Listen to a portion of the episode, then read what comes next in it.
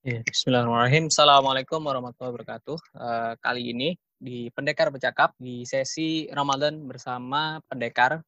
Oh ya, sebelumnya saya selaku hostnya adalah Takiyuddin Jafar. Nah, di hari pertama puasa kali ini kita akan berbagi mengulik bersama salah satu pendekar anggota dari Pendekar Literasi, yakni Ahmad Izudin. Jadi di sini udah bersama kita Izu. Halo? Iya, yeah, hadir Pak. Halo. Ya, sip. Uh, jadi di sini kita akan sharing-sharing bersama Izu dan di sini Izu akan banyak uh, berbagi bersama kita. Nah, mungkin yang pertama uh, ini di kondisi Ramadan hari pertama puasa di tengah uh, apa namanya pandemi COVID-19 ini pertanyaannya adalah bagaimana pengaruh bencana pandemi ini bagi kehidupan seorang Ahmad Izudin apalagi kemarin katanya sempat menjadi pasien dalam pengawasan ya apa PDP gitu. ya, korban yang lagi rame-rame ini iya gimana silakan boleh bagi-bagi dikit lah Oke, Bismillahirrahmanirrahim. Assalamualaikum warahmatullahi wabarakatuh. Uh, Mas Taki, teman-teman sekalian yang semoga dirahmati Allah Subhanahu Wa Taala. Kemarin sempat dihubungi, enggak sih, kita ngobrol aja bukan dihubungi. so banget. Uh, buat dimintain tolong buat cerita soal pengalaman kemarin ya. Jadi salah satu pasien dalam pengawasan atau PDP terkait COVID-19 kayak gitu. Nah, uh, pertama na nanti sama kaitannya dengan Ramadan sekarang gitu ya. Coba tapi pengen lebih banyak cerita aja sih soal uh, pengalaman kemarin selama dirawat kayak gitu. Nah, saya pengen mengawali dari analisa atau alasan gitu kenapa bisa sampai terjadi kasus yang demikian. Kenapa? Kalau di, kalau dibilang tertular ya enggak, dibilang enggak, cuma kemarin mendadak sakit sampai harus dirawat kayak gitu. Kronologisnya kira-kira karena gini, saya punya sekitar dua alasan sih, dua, dua alasan utama gitu. Pertama karena uh, selama bekerja gitu di Jakarta saya sering lalu lalang atau uh, beredar di wilayah zona merah kayak gitu di kayak di Sudirman, Rasuna Said, Kuningan, Cempaka Putih kayak gitu. Nah itu kan memang zona-zona yang pertama banyak gedung-gedung kantor-kantor gitu ya, kantor ramai. Terus banyak juga warga negara asing, walaupun nggak secara langsung ketemu kayak gitu. Cuma kan daerah-daerah yang dilalui kan juga otomatis lebih rawan kayak gitu. Nah itu yang pertama soal kerjaan. Kedua karena direktur sebelum beberapa hari sebelum saya sakit itu juga uh, ternyata PDP, PDP juga. Jadi uh, udah udah positif duluan gitu ya. Sampai sekarang kurang tahu sih positif apa enggak, tapi oh. yang jelas sempat dikabarin kalau beliau itu dibawa ke Wisma Atlet kayak gitu. Terus sempat hmm. kritis juga kondisinya di critical ICU, critical intensive care unit kayak gitu, dipindahin ke RSPAD Gatot Subroto. Nah, itu dua alasan. Oh iya, sama satu lagi sebenarnya saya baru ingat selain lalu lalang di zona merah, kedua direktur itu yang mana beliau itu kan sama saya kerjanya hari-hari ya makan, ngobrol, kerja itu sama saya kayak gitu satu satu ruangan lah. Otomatis dekat. Nah, lagi sibuk Bapak? Oh, lanjut aja lanjut. Kayak next ya. Nah, alasan yang ketiga, sorry tadi kan saya bilang dua, tapi ternyata tiga nih.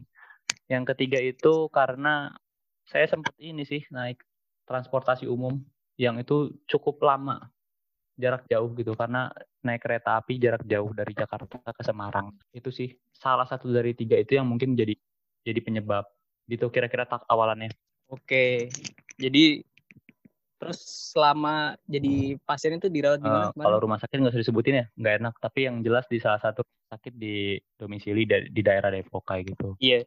Perlu cerita ini nggak kondisi kronologisnya dari awal sampai akhir? Jadi sempat uh, ngalami gejala apa aja sih Nah, iya kalau gejala itu ya sama ya kayak pada umumnya yang sering di, di informasiin di berita di sosmed gejala-gejala umum yang memang hampir semuanya itu terjadi kayak gitu.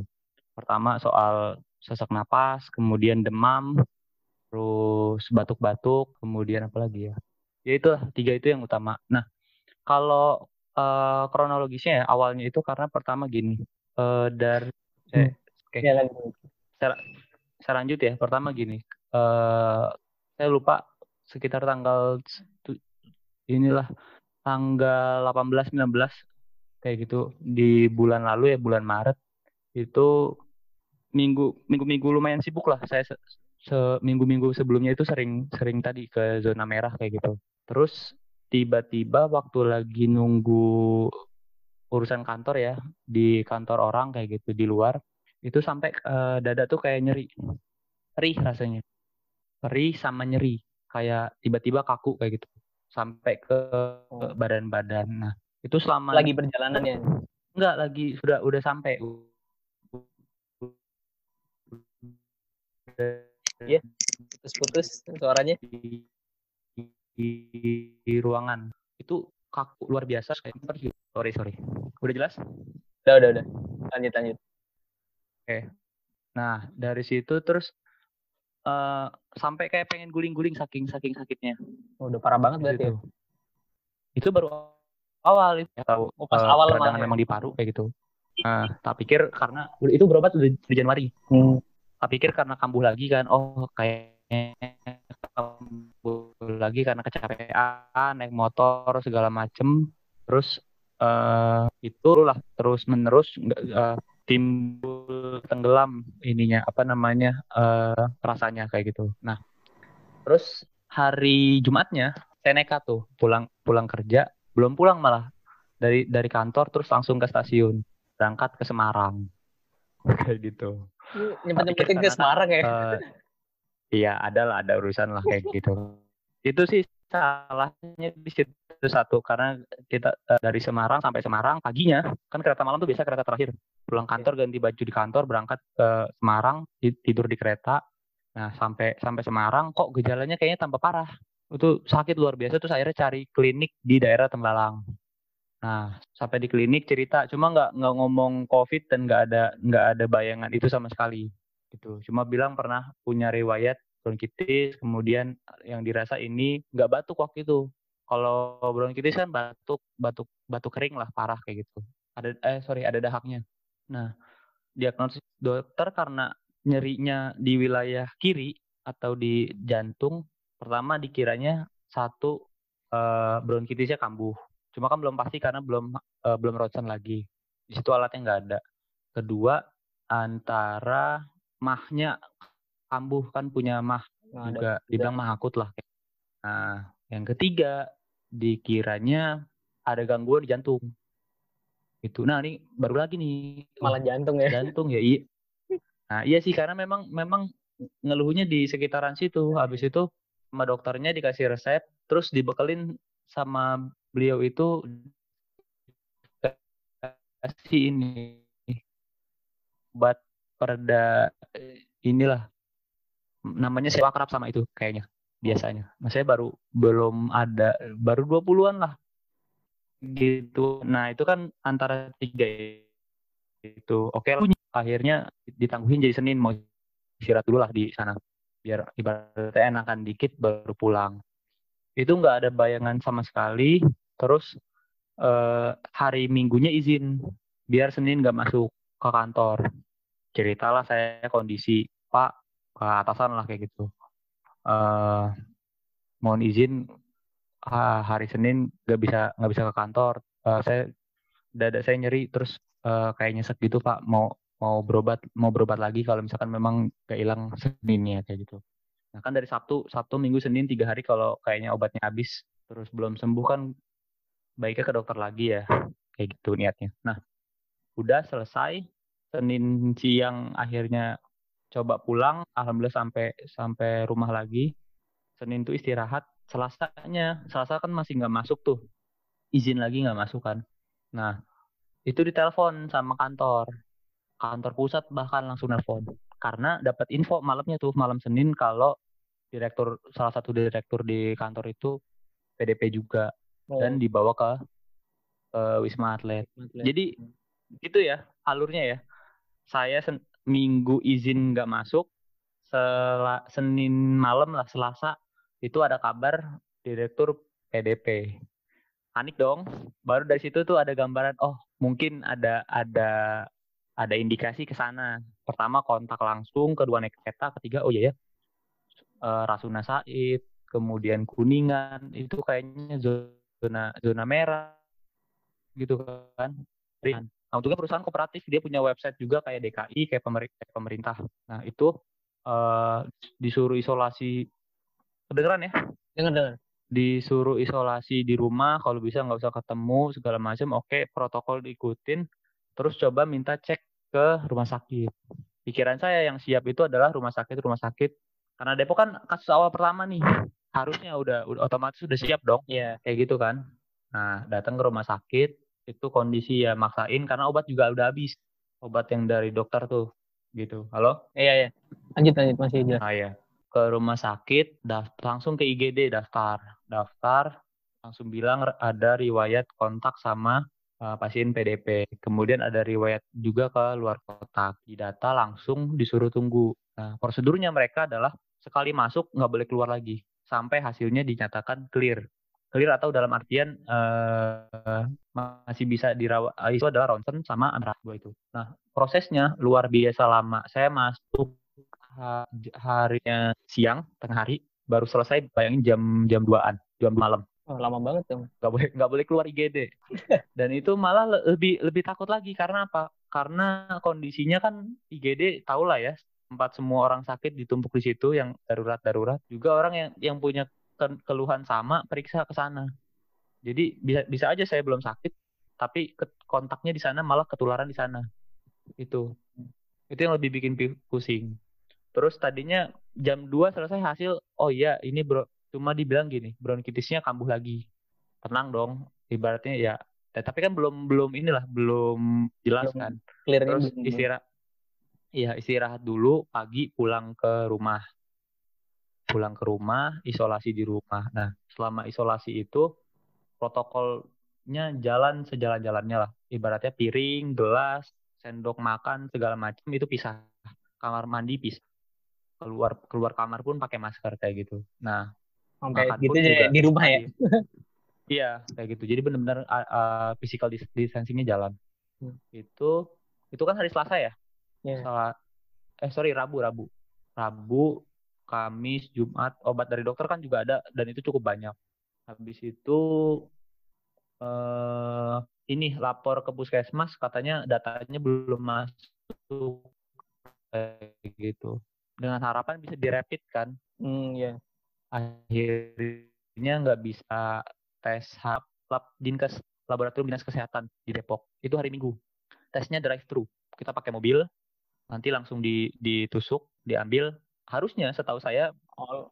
informasinya kan kalau rapid namanya rapid kan cepat rapid ya. langsung rapid ya. harusnya nah, cepat. Iya 10 15 menit selesai. Hasilnya kita tahu negatif atau positif kayak gitu. Yeah. cuma itu dibilangnya nanti langsung pulang isolasi lagi ya Pak kayak gitu. Uh, hasilnya akan kita WA yeah.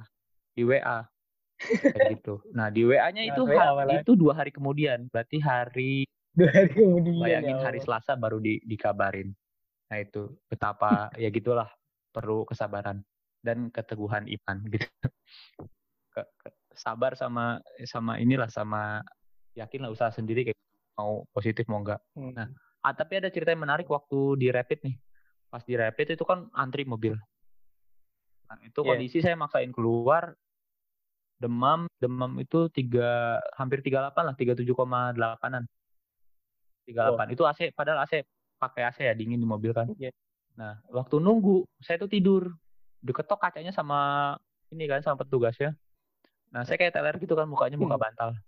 Kayak gitu. Iya. Yeah. Terus orang orang ininya panik. Pak, Bapak sakit, Pak. Pingsan apa gimana? Bang, tidur doang, Mas. kayak gitu. Panik. Suruh turun langsung lepot kan cuma mikir ah kayaknya masih kuat. Aduh, putus lagi ya Allah suaranya. Halo. Ya, jelas kan? Iya, iya. Boleh lanjut. Kita pindah ini. Maklum ininya apa namanya rumah di pedalaman jadi sinyalnya susah. Nggak nggak nggak dapat wifi juga soalnya. Oh iya, iya. Coverage areanya nggak ada yang nyampe sini. Ada yang nyampe kan? coverage-nya. nah, itu. Tadi sampai mana? Sampai uh, ini petugas ya? yang ngetokin Oh ya itu udah. Habis uh, itu uh. tadinya kalau memang kondisinya buruk, buruk-buruknya itu bisa langsung ditarik ke ambulan terus di, di dirujuk ke mana kayak gitu. Cuma oh. nggak nggak ini nih belum belum well prepare nih kayak gitu terus akhirnya akhir uh, dikuat-kuatin oke okay, pulang lagi itu kan hari minggu ya iya. minggu yeah. senin senin itu obat udah habis posisinya obat apa ibaratnya obat yang dari rumah sakit kemarin tuh dari IGD yeah. kayak gitu kondisi juga nggak nggak membaik kok kok tambah kayaknya tambah tambah berat gitu. nah dari situ cobalah tadinya mau cari rumah sakit lain kan cuma uh, bingung juga dan nggak tahu kondisi rumah sakit lain kan kalau di sana kan udah tahu gitu nah ada satu tips sih kemarin waktu ke rumah sakit baik yang tanggal 25 maupun yang besoknya hari Selasa sepekan kemudian nih yeah. itu waktu ke rumah sakit protokol apa ibaratnya safety-nya itu jalan. Jadi saya berangkat persiapannya kalau amit buruk-buruknya nggak boleh pulang. Hmm. gitu. Gitu tak kira-kira. Jadi bawa baju ganti bawa minum botolan kan bawa snack. udah, sedi udah sedia semua gitu ya? Ya jadi kalau misalkan memang keputusannya harus dirawat ya udah siap kayak gitu. Paling nggak nggak harus ngerepotin orang rumah. Paling nanti bisa sub apa bisa di, minta diantarin pakaian ganti atau apa setelahnya kan gitu. Nah itu sih. Itu terus akhirnya selasa itu uh, berangkat lagi ke rumah sakit. Kondisi hampir teler lah bisa dibilang. Jalan tuh jalan tuh kayak kayak orang kayak zombie lah gitu. Pikirannya masih ada cuma cuma ngawang. Iya yeah, iya. Yeah. nah tadinya mau mau dianterin cuma kayaknya terlalu risky kan. Tricky lah terlalu beresiko kayak gitu. Akhirnya milih ya udah bawa mobilnya sendiri. Untungnya jalanan waktu itu nggak terlalu rame sih. Ketimbang hari-hari biasa sebelum ada masalah kayak gini. Gitu ke rumah sakit sampai sana terus sama prosedurnya. Tadinya cuma minta gini minta dirujuk ke penyakit dalam karena hmm, kan iya. udah berobat ke dokter umum lah di IGD kan dokter umum. Itu belum membaik minta dicek kira-kira ini kenapa? Apakah bronkitis doang atau ada sesuatu lain yang lebih parah kayak gitu kan? Yeah. nah cuma sama pihak sana diarahin ke coba IGD lagi mas. Kayak gitu. Nah pertama saya cuma minta rekam medik sih. Kalau bisa di, dirujuk lah kayak gitu kan. Yang bisa langsung nanganin. Gitu. Nah tapi diminta untuk uh, screening ulang dalam artian ronsen lagi ambil darah lagi oh. saya udah oh. kebayang nih wah kemarin aja masuk siang selesai jam yeah. 2 malam katanya prosedur paling cepat itu sekitar 6 jam hmm. ya sudahlah akhirnya uh, ambil darah, selesai ambil darah, ronsen. Nah, ronsen baca hasilnya yang lama, hasil labnya. Kayak gitu. Nah, di situ untungnya ini sih uh, lumayan karena sabar kan nggak usah nggak nggak marah-marah sama ketimbang pasien-pasien lain dapat dapat tempat lah untuk istirahat kayak gitu. Nah, begitu hasilnya keluar itu dilihat dibandingkan antara ronsen tanggal 25 sama tanggal 31. Seminggu setelahnya ya. Ah, ada perbandingan. Ah. Ya, nah itu dilihat waktu itu memang ada ada ibaratnya di di yang tanggal 25 itu ada biasalah yang bisa baca kan dokter tuh. Yeah. Kalau saya sih orang awam matanya nggak terlalu nggak terlalu bisa bedain. Emang katanya kan kalau ini bronkitis lah ada ada putih-putih semacam garis gitu. Nah, itu nggak nggak nggak terlalu jelas atau nggak terlalu banyak kayak gitu. Nah, dibandingkan tanggal 31-nya seminggu, selang seminggu nih. Halo? Halo, halo. Lanjut ya? Lanjut, lanjut. Jadi seminggu setelahnya? Nah, tanggal hmm? Halo? Lanjut aja. Eh, tanggal 31-nya itu selang seminggu pas dilihat lagi hasil ronsennya itu paru-paru tuh udah putih semua banyak garis-garis se se seluruh paru-paru kayak gitu. Terus hasil labnya juga banyak yang uh, kadarnya seperti apa kayak leukosit lah, neutrofil atau apa gitu nggak nggak nggak paham-paham. Nah itu ada yang kadarnya tingkatannya lebih tinggi high, ada yang lebih rendah daripada standar minimalnya, ada yang nol bahkan kayak hilang gitu loh. Iya yeah, iya. Yeah. Ibaratnya kan kalau kondisi normal semuanya kan normal normal normal ada ada ada range berapa sampai berapa. Kayak misalkan kalau orang demam berdarah kan trombositnya turun tuh. Iya. Nah, itu kan kelihatan. Nah, kalau ini juga banyak Semacam kemarin tuh uh, up, saya lupa detailnya, cuma kayak gitu. Ada yang lebih tinggi, ada yang lebih rendah, bahkan ada yang hilang angkanya kayak gitu. Oh iya iya. Kalau itu di bold, jadi ada berapa komponen jenis gitu kan hasil labnya. Nah itu ada yang yang di bold itu banyak. Nah berarti kan ada kondisi yang nggak nggak normal di situ kan? Iya. Banyak. Terus hasil ronsen pun saya bisa bedain ngeliat tuh juga lumayan. Iya juga sih ke kelihatan juga kayak gitu banyak. Nggak kayak paru-paru biasa kan dari Januari kan saya udah berapa kali ronsen kan karena oh, bulan iya. kemarin. Nah di situ pun kondisinya juga kayaknya makin makin makin lah gitu. Nah habis itu langsung begitu begitu selesai langsung diarahin untuk Mas perawatnya bilang ya kayak gitu. Nggak uh, kondisinya makin buruk uh, nggak boleh pulang kayak gitu. Harus dirawat di sini. Sudah nurut lah tadinya. Dapet langsung diinfus saat itu juga. Infus dia dicariin bed segala macem itu juga nunggunya cukup lama lah kayak kayak awal-awal gitu itu eh, hari-hari uh, awal dirawat itu paling parah karena ngerasa memang kondisinya kan turun terus tuh. Ya. Udah gitu, survive di IGD itu berat, Bos. Gimana tuh? Lama, lama nunggunya kesel juga oh, kan. Iya, iya. Hasil nggak keluar-keluar, disatuin sama yang lain gitu. Itu itu yang membuat kalau saya pribadi gitu merasa jatuh jauh lebih dropnya di situ kondisi kondisi fisik. Malah gitu. ini ya, mentalnya juga bakal ngedrop iya. juga karena itu ya oh, kan. Kasarnya gini, ke IGD nunggu hasil screening COVID itu orang nggak sakit bisa jadi sakit. Iya, iya. Karena lama, makan waktu itu telat.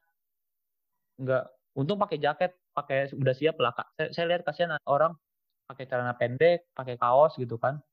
Oh, ada yang periksa masih kondisinya gitu ya? iya, cuma mereka kan cuma disuruh atau cuma nggak tahu iseng atau apa ya kayak gitu kan penasaran. Jadi nggak nggak well prepare. Untungnya saya nggak, nah saya yang, yang segitu siapnya aja kayak pakai jaket itu uh, tambah down rasanya. Iya, iya, di situ iya. tuh udah dapet malam pertama itu ada drama gimana tuh awal kan gini udah oke okay, udah dapet bed udah segala macam udah diinfus jalan gitu kan infusnya sempat bocor waduh tangan jadi bengkak. Tangan oh, jadi bengkak. Eh nanti deh. Itu itu cerita lebih detail soal kondisi perawatan ya iya iya iya. Nah, setelah udah tahu kondisinya harus dirawat saya kabarin orang tua.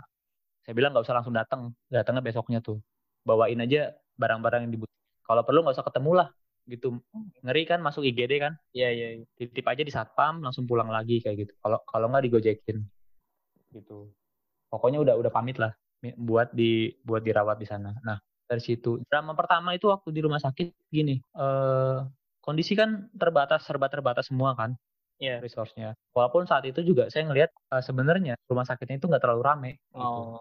nah itu jam 2 malam nih saya istirahat baru dapat bisa tidur lah kan karena serba nggak enak kondisi kan tidur napas aja susah kan udah diinfus pasang oksigen segala macem terus ini uh, bednya diminta sama perawat di sana jam eh, sorry sorry jam 12-an malam. Akhirnya saya tidur jam 2, jam 12 sampai jam 2 malam itu di kursi roda. Ya Allah. Sedih banget itu. Cuma ya udahlah sabar lah ya. yang yang itu lebih butuh lah lebih urgent. Mikirnya kayak ya. gitu aja jadi nggak jadi beban lah di situ. Nah udah akhirnya dibalikin bednya.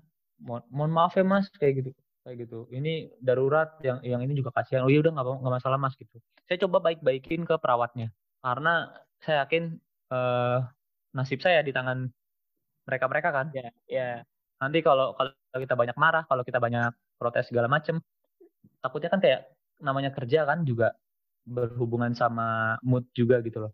Ya, kalau misalkan kita udah ngepres duluan takutnya malah jadi nggak enak ke depannya. Entah itu nanti sengaja atau nggak ya nggak mungkin sengaja sih. Tapi ya, bisa aja nanti iya iya. iya ya gini mikirnya takutnya nanti karena suasana udah nggak enak itu bisa jadi ngasih obat salah ini salah kan terjadi ya. lebih, lebih parah kan? Ya, bisa adalah dibaik-baikin. Dibaik-baikin aman. Terus berlalu sehari dua hari sampai dirawat itu ya cukup hitungan minggu adalah lebih. Dan itu sama sekali nggak keluar ruangan. Jalan itu ada pariwara eh, sedikit. lanjut lanjut dulu lanjut oke. Okay. jalan itu cuma ke dari dari ruang isolasi ya. Dari kasur berdiri ke kamar mandi. Udah gitu doang. Dan nggak ngelihat matahari sama sekali. Jadi kalau nggak lihat jam atau nggak lihat HP itu nggak tahu pagi, siang, sore, apa apa udah malam. Lampunya sama sama sama sama lampu ruangan aja udah 24 jam kayak gitu. Itu kira-kira. Ada lagi? Uh, tadi kan juga dibilang uh, selama di rumah juga apa protokol udah jalan berarti emang keluarga emang udah dukung dan ya udah siap gitu ya dengan keadaan terburuk gitu ya. Ya mau nggak mau sih, kan saya yang iniin kan, udah tahu diri lah. Ya kayak gitu, kemudian, uh, direktur salah satu direktur infonya, uh, PDP juga, terus juga, uh, bandel kan habis keluar kota, nggak mau inilah, nggak mau bikin repot orang serumah lah. Jadi, ya udah dari awal tak tak tegesin, kondisinya gini gini gini, uh, mau isolasi dulu, kalau bisa jangan ke kamar, kalau nggak usah nyapu, nggak usah nggak usah nggak usah ngepel lah, kayak gitu. Nggak usah masuk ke kamarku sama sekali gitu. Jadi kitanya yang keras dari awal. Gitu. Oke. Terus uh, sekian lama itu apa namanya? Uh, pekerjaan gimana kan? Awal-awal katanya juga kantor belum belum work from home juga kan ya? Oh iya, itu hitungan semingguan, hampir seminggu lebih lah. Itu ibaratnya udah ada home home segala macam, tapi kita masih jalan. Hmm. Terutama gini, karena kantorku kan namanya korporasi ya. Korporasi itu biasanya memang bulan-bulan Maret itu tanggal-tanggal sibuknya. Jadi akhir bulan itu kita ada namanya uh, eh, RUPS rapat umum pemegang saham. Nah karena kantorku holding punya anak perusahaan punya induk juga kan kayak gitu. Yeah, nah yeah. itu RUPS-nya bertingkat banyak dokumen yang harus disiapin banyak kemudian uh, tanda tangan approval baik itu pemegang saham baik itu komisaris segala macam itu juga banyak gitu kita terutama di bagian legalnya itu lagi pusing-pusingnya gitu kan. Saya kan orang hukum nih. Gitu. Yeah. Yang disiapin luar biasa banyak. Jadi ke mana-mana ke kantor-kantor tadi, kantor komisarisnya, ke komisaris kan ada banyak nih. Didatengin ke masing-masing kantor, ngejelasin di sana, minta tanda tangan segala macam di sana gitu. Kirim dokumen ke ini. Walaupun kemarin itu naik motor itu ya berangkat kerja, berangkat pulang kerja kan dari Depok ke daerah Jakarta Timur lah. Cawang, Cililitan di sana. Cawang lah. Apa namanya? Sorry. Rawamangun masuknya. Nah, itu motor sih, motor pakai masker segala macem. Tapi kalau misalkan urusan kantor dari kantor ke tempat-tempat lain, meeting luar kantor itu ya pakai diantar pakai mobil, ada driver juga. Aman pikiran? Yeah. Apa naik mobil turun mobil masuk gedung doang kan, keluar keluar gedung udah langsung ke mobil lagi kayak gitu. Usahain jaga jarak, pun di sana kan protokolnya tetap ketat juga di ditembak pakai apa namanya termogan terus dicatat di bahkan pakai tanda tangan pernyataan kayak belum keluar kota lah inilah ya?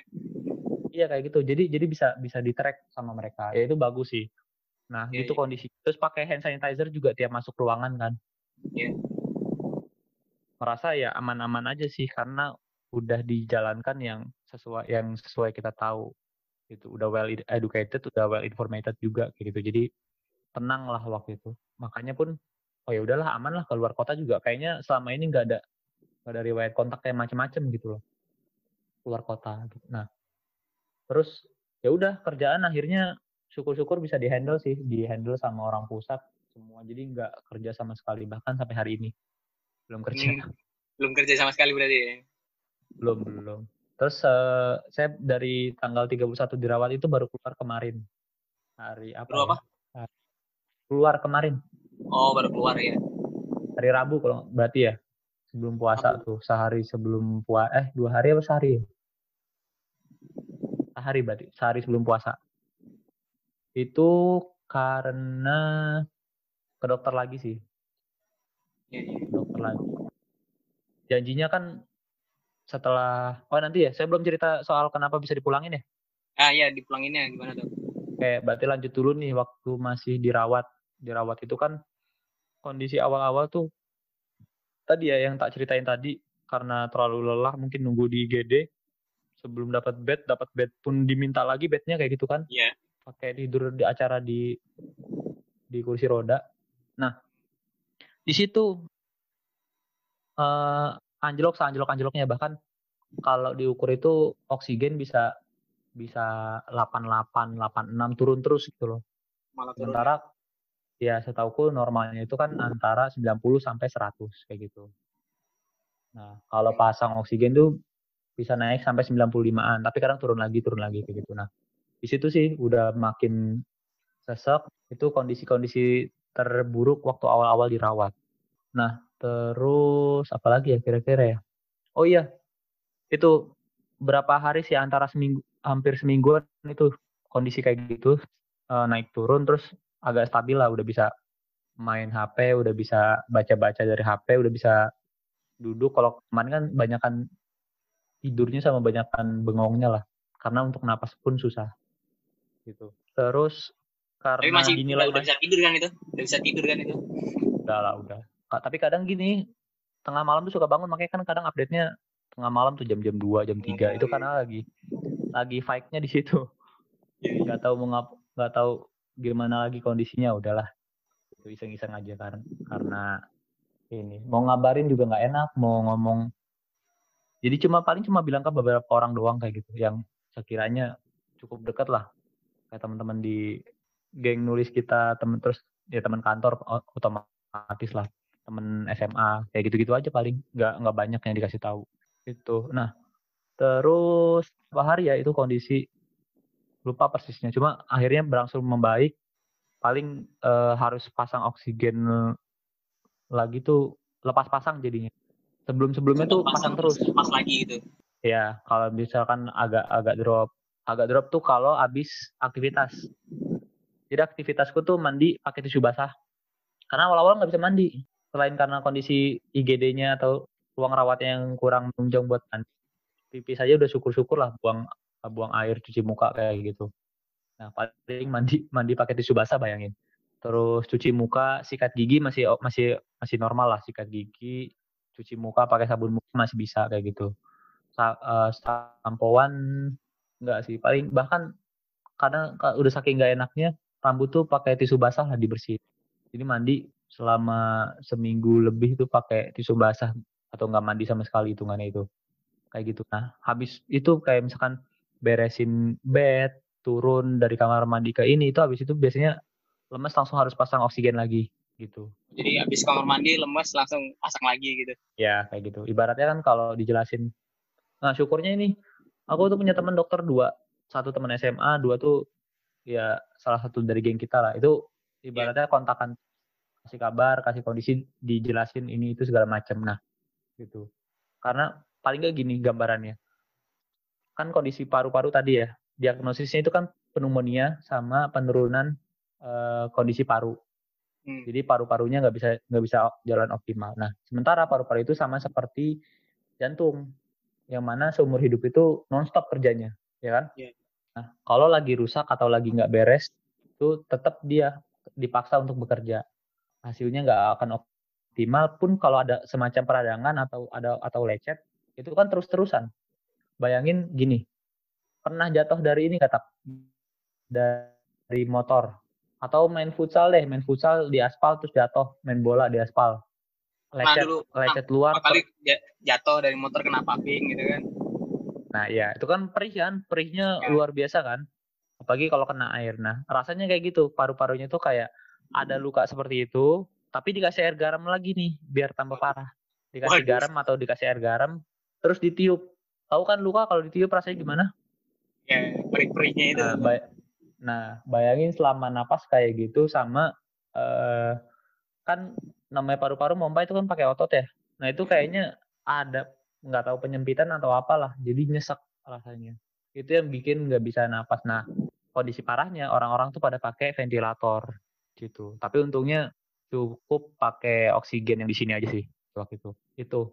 Nah, terus itu berapa hari nonstop oksigen, kemudian lepas pasang, terus akhirnya kayaknya udah udah enak lah, udah nggak udah nggak terlalu parah, udah nggak usah pasang-pasang lagi, jarang lah itu.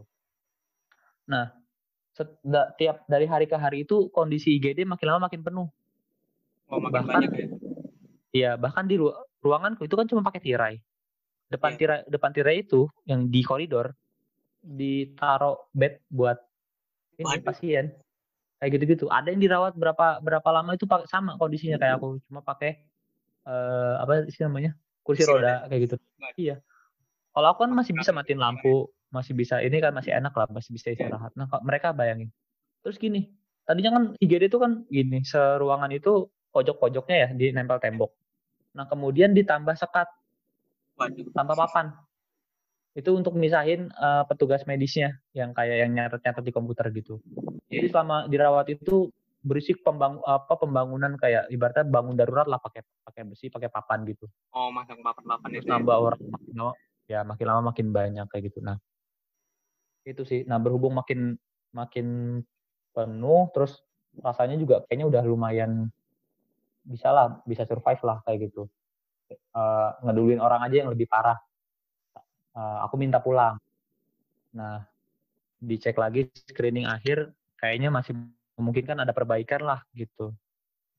Bolehlah pulang, lanjut uh, rawat di rumah gitu. Nah, uh, sama pakai, tapi nggak infus sih, infus sudah dilepas. Nah, infus itu waktu itu lepas tiga kali pindah, bocor sekali, bengkak, bocor, pindah, ya.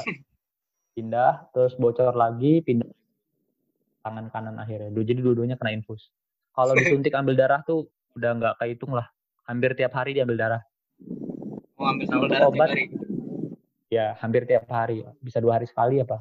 Tapi kadang ada yang berturut-turut, ada yang di, di skip gitu. Terus obat itu obat oral ya yang telan tablet yeah. kapsul tuh bisa bisa lima apa enam biji gitu lupa gede-gede bayangin tiga kali sehari diminum mual-mual terus obatnya injek suntik di di injek ke sini. Uh. suntik. Obatnya satu apa dua suntikan lupa. Itu yang cukup cukup gede lah.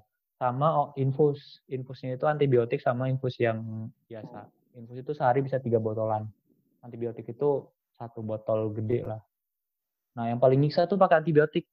Kita kita nggak tahu nih antibiotik itu kan memang untuk bakteri kan. Yeah. Nah, harusnya ditunggu tiga hari. Kalau memang bakteri itu ada perbaikan cukup iya. signifikan. Yeah. Nah, waktu kemarin itu nggak nggak ada perbaikan sama sekali. Tiga hari pakai antibiotik yang gede itu. Waduh. Jadi kan bingung kan, dokter juga bingung, kita juga bingung. Maksudnya ini penyebabnya apa gitu loh. Antibiotik itu parahnya sampai ke bas. Bahkan kayak semacam ada ruam-ruam merah di sekujur tangan. Akibat obat sama di pembuluhnya ya. Itu itu sampai jadi biru-biru. Hmm. Kayak gitu. Tiap dimasukin. Cuma ya sudah di dijalanin aja lah. Selesai obatnya dipindah ke biasa lagi, lama-lama hilang sih. Oh iya. Cuma ya lumayan kesiksa sih. Tiap iya. tiap dimasukin itu. Itu di rumah masih banyak oh. masih banyak obatnya yang perlu ya, dibantu ya. Ya masih. Kemarin juga baru baru berobat lagi kan. Nah, terus karena waktu itu nyambung ya ke pulang ya. karena sudah cukup stabil kondisi walaupun hasilnya oh ya gini dari awal tuh minta di swab atau PCR itu nggak nggak dikasih kasih alasannya alatnya nggak ada. Alatnya nggak ada nunggu dari pusat lama dibarengin sama yang lain gitu gitulah akhirnya cuma tes lab doang rapid sama ini. Yang mana kita tahu sendiri kan nggak nggak terlalu akurat ya. Iya. Nah tapi dua kali hasil lab itu dua hasil lab terakhir keluar itu eh, kondisinya tadi ya item-item itu kayaknya udah lumayan berubah lah, lumayan stabil. Jadi hasil ronsen juga ada perbaikan walaupun nggak nggak terlalu banyak. Terutama kondisi pertama itu tadi karena IGD-nya makin penuh, makin sumpah juga takut kan. Akhirnya dibolehin pulang lah. Tapi dengan catatan tadi dikontrol terus sama orang dinkes, puskesmas kayak gitu. Boleh pulang uh, isolasi di rumah. Akhirnya pulang gitu. Berarti di rumah ini apa beberapa kali berkala dinkes datang gitu ya? Teorinya gitu cuma nggak nggak pernah sama sekali. Belum. Bahkan bahkan lucunya gini hasil rapid itu kan di dikabarin sama dinkes. Nah waktu bilang rapid negatif rapid pertama negatif tuh dibilang. Negatif yeah. ya alhamdulillah. Cuma kondisi saya lagi periksa di RS di, di rumah sakit di GD yeah. lagi dilariin itu kondisi lagi jatuh-jatuhnya. Tapi dibilang negatif. Kan bingung ya yeah. mau percaya sama rapid mau enggak gitu. Terus ditanya lagi waktu itu akhir uh, udah dirawat ditanya lagi sama cuma di WhatsApp doang. Selamat siang Bapak bla bla bla, bagaimana kondisinya sekarang? Apakah ada gejala batuk ini ini? saya jawab uh, waalaikumsalam uh, eh sorry gini. Selamat siang. Uh, saat ini saya sedang dirawat di rumah sakit bla bla bla kayak gitu. Oh baik terima kasih. Udah gitu doang selesai. Baik terima kasih. Tanya kondisi udah udah mulai timbul gejala apa belum? Padahal yang yang bersangkutan atau atau ya saya ini udah di ini udah dirawat kayak gitu nah, itu kondisinya gimana ratusan pasien-pasien lain ya? Makanya nggak nggak heran sih yang PDP pun atau bahkan ODP tahu-tahu udah meninggal aja. Iya nah, makanya. itu. Ya ya wajar lah mungkin banyak mungkin belum ada protap yang jelas atau apa kayak gitu. Oh ya hal, hal unik selama dirawat sih gini uh, tadi ya, bayangin kita untuk screening awal aja cuma ronsen sama lab itu harus nunggu hasil. Hasilnya itu ditelaah sama empat dokter. Salah satunya hmm. penyakit dalam sama dokter spesialis paru kayak gitu kan. Nah itu yang bikin hmm. lama. Atau dokternya udah pulang lah, belum inilah, belum itulah kita nggak ngerti. Nah itu tiap hari ada yang marah-marah karena karena pelayanannya kayak gitu.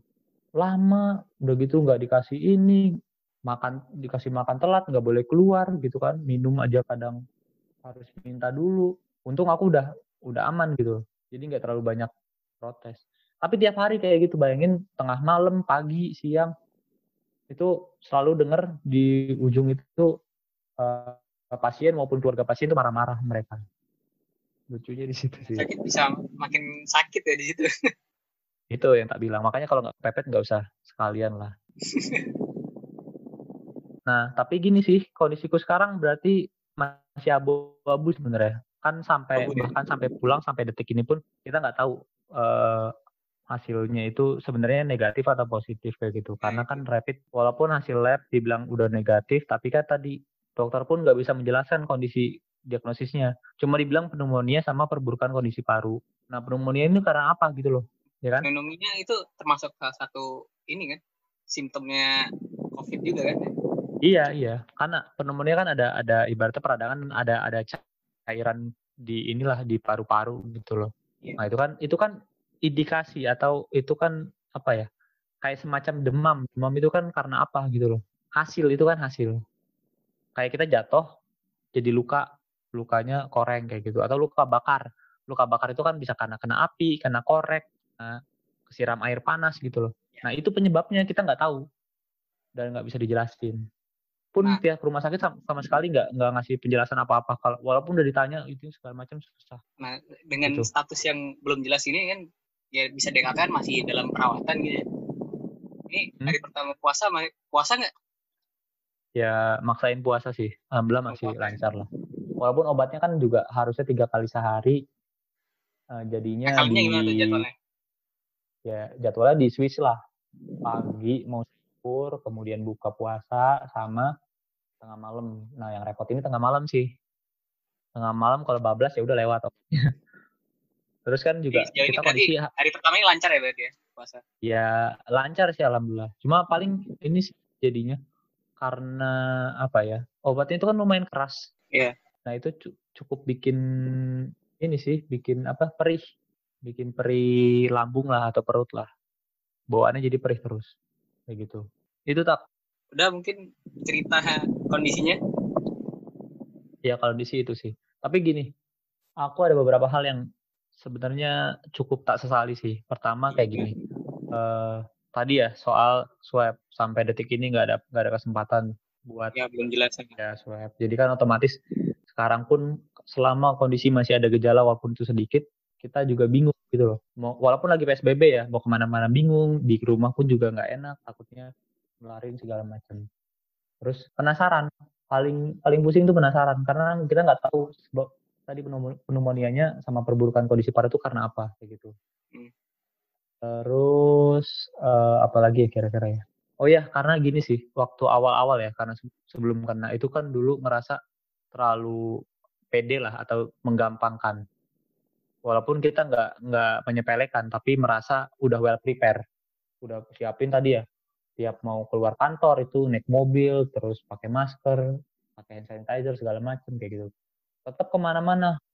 Tetap keliling-keliling bahkan keluar kota kayak gitu. Nah itu sih kalau eh sepandai-pandai itu payung melompat kan jatuh juga kayak gitu. Atau se bagaimanapun persiapan kita kan kalau agak agak sombong jatuhnya kan waktu kemarin-kemarin tuh. Padahal Depok kan pertama tuh.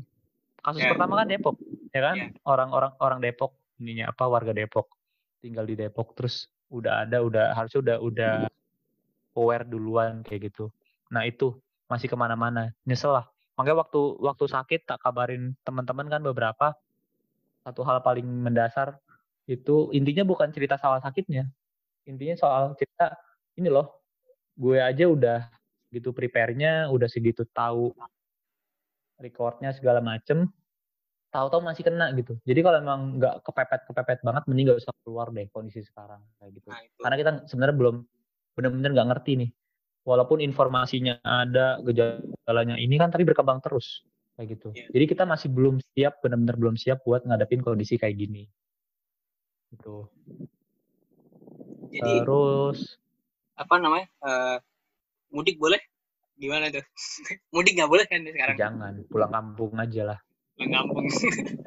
Oh ya sama ini tak uh, dulu dulu tuh apa ya si kayak semacam terlalu kurang mawas diri soal terutama soal jaga fisik sih. Sering begadang berangkat pagi kan.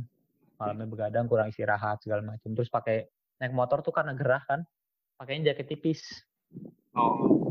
Mungkin karena polusi walaupun pakai pakai buff pakai masker atau pakai pakai sarung tangan segala macam itu kan juga kayaknya kurang ini. Nah, sama pas pulang tuh.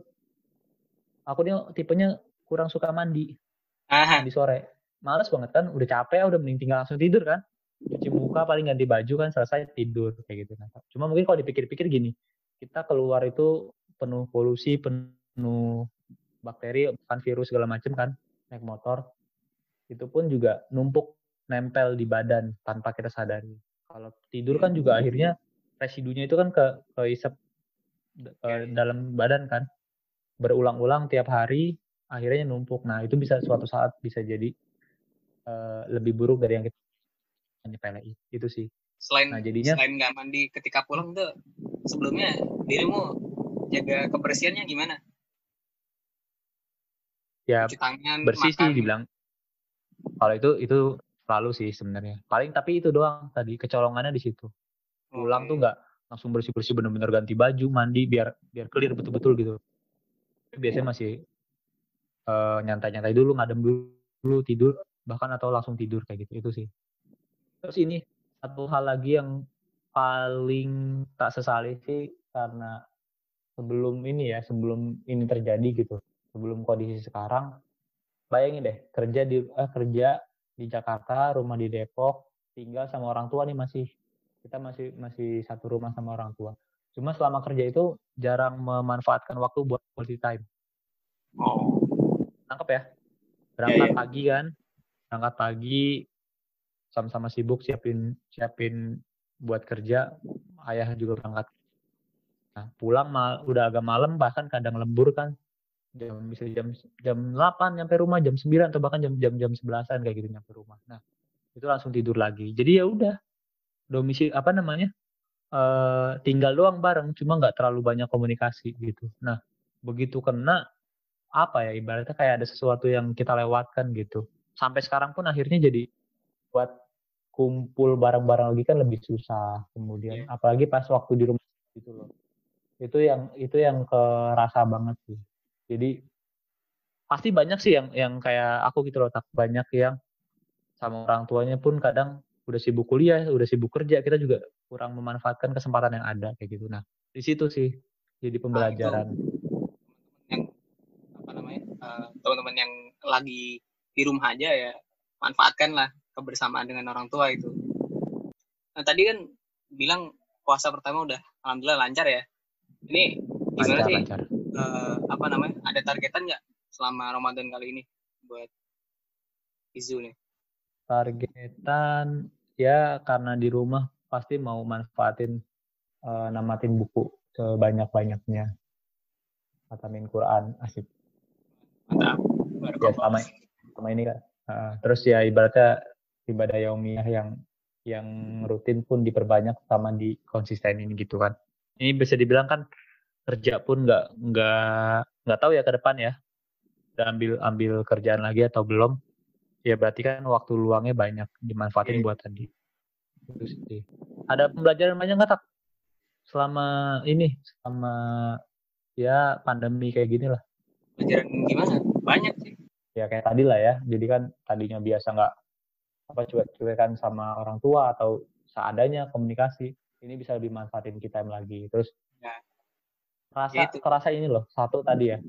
Kita tuh makin aware sama kesehatan, sama gimana caranya menjaga diri kayak gitu. Ya itu. Termasuk itu yang apa namanya? Bakal berubah sih nanti, merubah banyak hal apa setelah pandemi ini gitu. Ya aku sebelumnya sama ini kalau makan ya jarang cuci tangan gitu sih. Itu yang jadi sekarang mulai perlahan dirubah juga. Iya iya. Sepakat sepakat. Tapi aku nggak segitunya sih. Cuma ada satu lagi nih yang benar-benar jadi terpatri sih. Banyakin amal. Ah iya. Sumpah dulu biasanya biasanya kan kita mikir untuk untuk hidup kan planning baik finansial maupun apa kayak gitu kan amal tuh jadinya agak bahkan diperhitungkan gitu. kan yang diduluin amal sebisa kita semampu kita. Nggak usah mikir terlalu panjang lah kayak gitu. Nah kalau aku uh, masuk kondisi kemarin tuh jadi makin makin apa ya makin terketuk lah. Bah karena ngerasa dulu me, waktu dirawat tuh mental jatuh jatuh jatuhnya kemudian uh, sempat pesimis segala macam ya gitulah tau lah. Di kondisi kayak gitu kan kita nggak tahu nggak tahu bakal jadi kayak gimana. Kemudian karena pertama nggak yakin sama bisa nggak sih ini ditanganin kayak gitu? Karena kan benar-benar sesuatu yang di luar prediksi semua orang gitu loh. Nah ngerasa sedekat itu sama kematian tuh jadi gimana ya? Wah, sama iya. jadi ya jadi iya kan? Kasarnya gitu loh. Ya, ya, ya. jadi sadar banyak dosa. Terus selama ini amal gimana ya? Uh, ya banyak udah banyak belum sih? Kalaupun banyak yang kita lakuin tuh udah ikhlas apa belum gitu. Nah itu jadi jadi jadi renungan tersendiri selama selama kemarin. Nah itu. Jadi bersyukur sih paling tidak di situ. Mudah-mudahan ke depan nggak lupa jadinya. Gitu. Ya, ya pas banget nih mumpung Ramadan gitu kan. Jadi banyak-banyak lah amal ya kan. Nggak cuma untuk karena kita di uh, ya ditutupnya di sinilah bayar bayar utangan di sini. tadi apa namanya uh, kan selama dirawat di rumah nih itu apa namanya uh, hiburannya atau pembunuh kebosanannya ngapain aja nih gitu? Ya karena sebenarnya gini aku tuh orangnya ya ini aku saya gue tadi ngomong ya. Sebenarnya kan tipikal intro, intro, introvert lah. Kalaupun uh. jalan keluar pun nggak seneng rame-rame atau ke tempat rame. Tapi kalaupun rame paling sendiri juga tuh gitu. Nonton yeah. kadang sendiri jalan ke mall sendiri paling kan senang naik gunung segala macam ya udah jadi sebenarnya nggak ada nggak ada nggak ada hal yang terlalu berbeda gitu selama masa karantina di rumah atau isolasi. Jadi ya punya kesibukan ya kayak baca kayak kayak lihat film. Mungkin kalau Ramadan kan akan kita geser lebih ke sesuatu yang inilah gitu. Jadi sebenarnya aku nggak terlalu ada ada masalah sih tak gitu. enjoy malah ya kalau di rumah ya. Hmm. Ya enjoy enjoy aja sih. Paling nggak nggak enak ini sih sama ini orang pusat di kantor. Akhirnya kerjaanku di handle banyak. Tapi sekarang kan udah udah bisa mulai nyicil nyicil bantu bantu lagi kayak gitu gaji aman nggak nah ini tanggal 24 kita lihat nanti tanggal 26 ya atau 27 kayak gitu. Beberapa hari lagi tapi nih, aku bersyukur sih, aku enggak, tapi aku bersyukur lah. Ini catatan buat kantorku sih. Di antara yang lain banyak yang di lay off, lain atau dirumahin gitu kan dipotong gaji kemarin sih aku pun bener izin pengen waktu itu sempat maksain ke kantor waktu masih ODP ya sebelum jatuh dirawat kantor. Terus ibaratnya uh, kayak semacam diomelin lah udah suruh istirahat aja biar biar benar-benar clear kayak gitu. Itu jadi uh, dicariin orang buat handle kerjaan supaya nggak jadi beban di kita terus bahkan dikasih insentif lagi. Hmm. Tadinya sih insentif buat kayak semacam beli vitamin, beli apa sih namanya kuota buat WFH gitu kan, kemudian beli apa lagi ya masker, terus hand sanitizer kayak gitu gitulah. Jadi kantor tuh waktu awal-awal memang kita sebelum kebijakan WFH itu kan masih masuk, tapi di inilah di apa namanya kayak disemprot desinfektan, di dibeliin alat-alat kebersihan lebih lengkap kayak gitu. Itu sih bersyukurnya. Jadi di, benar-benar diperhatiin. Pun ketika sakit kita dikasih insentif ya, yang mana orang-orang biasanya kan nggak bisa kerja ya sudah kita dikat jadi benar-benar bersyukur. Perhatian juga direktur pun nggak nggak segan-segan buat nanyain kabar. Bahkan nyuruh istirahat lagi kalau ada apa-apa suruh suruh bilang aja nanti kantor kalau bisa bantu ikut ikut uh, bakal bantu kayak gitu. Itu hal salah tadi tambahan. Hal yang benar-benar tak tak syukuri lah kondisi kayak gini. Masih dapat kantor yang Cukup segitu baik ini. Juga ya sama ini aman lah istilahnya. Ini udah hampir sejam ternyata kita. oh serius? Panjang juga ya? Iya. Padahal aku masih punya masih punya pengen cerita soal catatan buat dokter atau lintas sih. Oh, Tapi singkat paling ya. Iya iya boleh boleh. Soal ini. Pertama gini, uh, aku sih selama ini ya, selama dirawat tuh punya catatan gini. Pertama, mudah-mudahan ini cuma terjadi di aku doang sih. Tapi kalau ada dokter mungkin yang dengar, satu hal, uh, pemahaman pasien itu juga cukup penting ya. Karena itu menyangkut ketenangan sama uh, keyakinan buat sembuh. Kalau kita nggak dijelasin, nggak dikasih informasi yang cukup, atau nggak di treat dengan ini loh, bapak kondisinya kayak gini, kayak gini, kayak gini gitu. Itu kan kita juga selain tekanan fisik yang memang drop, mental pun juga dihajar di situ. Ya? Nggak, nggak diberi harapan gitu ya. Nah, jadi penjelasan itu penting buat pasien sama keluarganya. Keluarganya khawatir, nggak ngerti kondisinya, pasiennya juga kayak gitu kan, jadi hopeless atau jadi bahkan mungkin iya. imunnya jadi jatuh di situ tambah tambah parah. Itu sih uh, pemahaman pasien itu penting, jangan dilupain. Kemudian visit juga penting sih.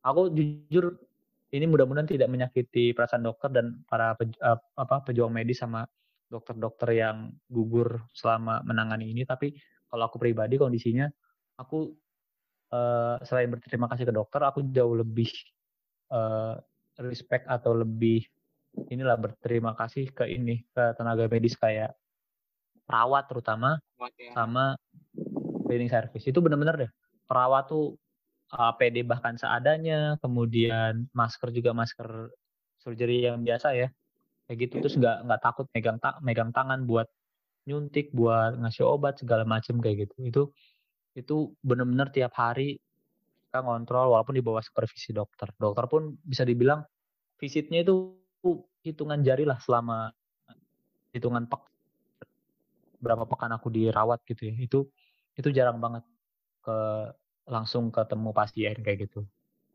Gitu. Terus sama ini sih kalau rumah sakit nih penting. Kemarin gini Depok itu kan sudah uh, warning sejak awal kan kasus yeah. sama COVID itu yang diumumkan sama presiden bahkan mereka di Depok kayak gitu. Tapi kondisi itu nggak serta merta buat langsung tancap gas buat prepare kayak gitu. Bahkan aku masuk tadi masih kayak gitu kondisinya uh, belum ada penanganan yang sifatnya darurat kayak penambahan tadi ya bed aja masih kurang terus tiang infusan masih kurang segala macam harus nunggu lama. Nah selama dirawat baru tuh dipasang ini. Itu itu setelah apa? Kondisi pasien menumpuk di sana. Jadi udah kadung rame duluan baru dibangun bangun bangun kayak gitu. Itu. Nah itu satu sih catatan buat pemerintahnya di situ. Jadi semacam kurang tegas sama kurang persiapan. Protokolnya pun saya rasa masih banyak yang berantakan kayak gitu. Terus ini buat pemerintah sendiri tuh PSBB bayangin PSBB ketika pulang itu kayaknya sama kemarin ke dokter tuh kondisinya kayaknya masih ramai banget jalanan. Nah, jadi kayak nggak efektif gitu. Jadi mau, mau sampai kapan ini uh, mata rantai di kalau uh, mobilitas manusianya itu masih benar-benar banyak itu sih. Takutnya uh, yang udah nurut selama ini kepepet kondisi karena terlalu lama kerja nggak jelas, makan juga sulit, uang juga makin lama makin nipis. Takutnya uh, maksain keluar nyebar lagi nyebar lagi kayak gitu. Jadi mau kapan kelarnya? Kita nggak nggak ngerti. Sejam lebih ya? Lama juga. Iya. itu juga udah disampaikan keluhan dan harapan ya dari Izu. Uh, besok uh, setelah ini kita ambil rekamnya dengan dokter dari pendekar selanjutnya nih. Dokter Rila. Oh iya gitu. aduh. Saya juga. Nah, jadi nanti mungkin yang kamu sampaikan kita bahas juga di pertemuan uh, Ramadan bareng pendekar RBP ya selanjutnya ini. Oke, boleh boleh. Yang salah nanti bisa dikoreksi sama beliau gitu kan udah mungkin uh, dari itu ada lagi udah itu sih cukup pesanku paling tadi uh, manfaatkan waktu sama keluarga sama untuk hal eh, hal-hal yang positif lah selama Ramadan selama PSBB atau selama masa kita karantina kayak gitu yeah. uh, itu aja kira-kira. Yuk. Semoga lancar puasanya Ramadan kali ini. Terima kasih Izudin. Saya Takin Jafar pamit. Assalamualaikum warahmatullahi wabarakatuh.